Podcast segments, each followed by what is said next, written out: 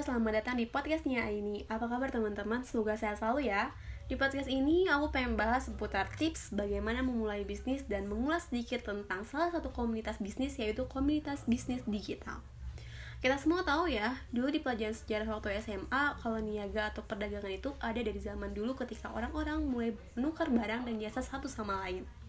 Yang pada masa itu belum tercipta uang, dan sampai sekarang kegiatan niaga terus berkembang. Sebelumnya, apa sih bisnis atau niaga itu bisnis atau niaga adalah kegiatan memperjualbelikan barang atau jasa dengan tujuan memperoleh laba atau keuntungan. Duh, tapi pasti buat kita yang pemula dan awam banget nih dengan dunia bisnis merasa takut akan kerugian ya untuk memulai bisnis.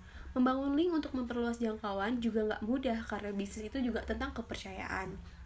Tapi kamu juga bisa memulai dengan mengikuti seminar atau gabung dengan komunitas yang sama-sama sedang membangun bisnis. Nah, kebetulan nih, komunitas digital online bisa menjadi wadah untuk memulai.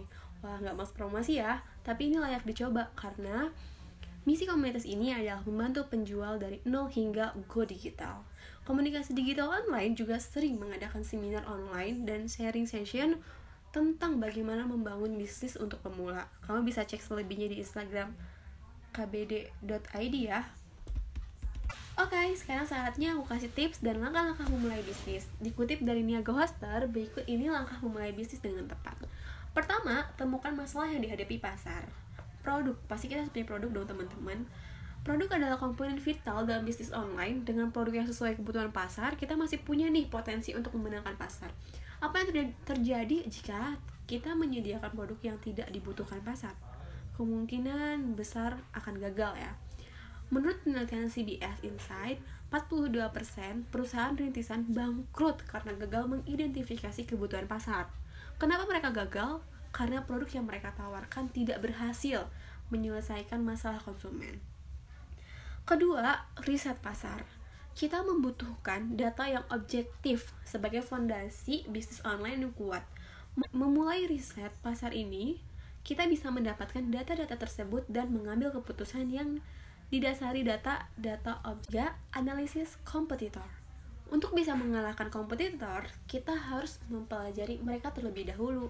Apa kelebihan mereka? Bagaimana cara mereka mendekati konsumen? Sampai apa kekurangan mereka? Dengan informasi tersebut, kita bisa membuat produk yang bisa bersaing dengan kompetitor. Keempat, cari model bisnis. Selanjutnya kita perlu memilih bisnis model mana yang paling menguntungkan karena meski menjual produk yang sama, cara menjualnya bisa berbeda-beda.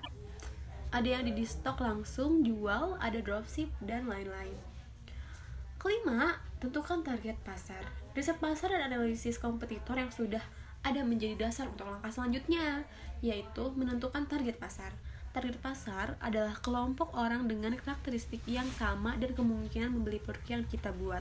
Dengan target pasar yang lebih spesifik, kita bisa mengembangkan produk yang sesuai dengan kebutuhan pasar. Selain itu, kita juga akan lebih mudah dalam menyusun strategi marketing. Ketujuh, buat website. Memulai bisnis online, maaf nih jika belum membuat website. Ibarat berjualan secara offline yang membutuhkan toko, bisnis online pun butuh toko. Kenapa harus website? Mengapa harus membuat website untuk bisnis online Anda? Karena pelanggan yang menginginkannya. Menurut survei Verify, sebanyak 56% orang tidak percaya pada bisnis online yang tidak punya website. Kedelapan, pasarkan produk dengan strategi yang tepat.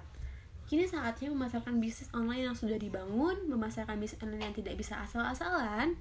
Kita perlu strategi yang tepat untuk bisa memasarkan bisnis online ke target pasar yang tepat dengan pesan yang tepat dengan pesan marketing yang sesuai.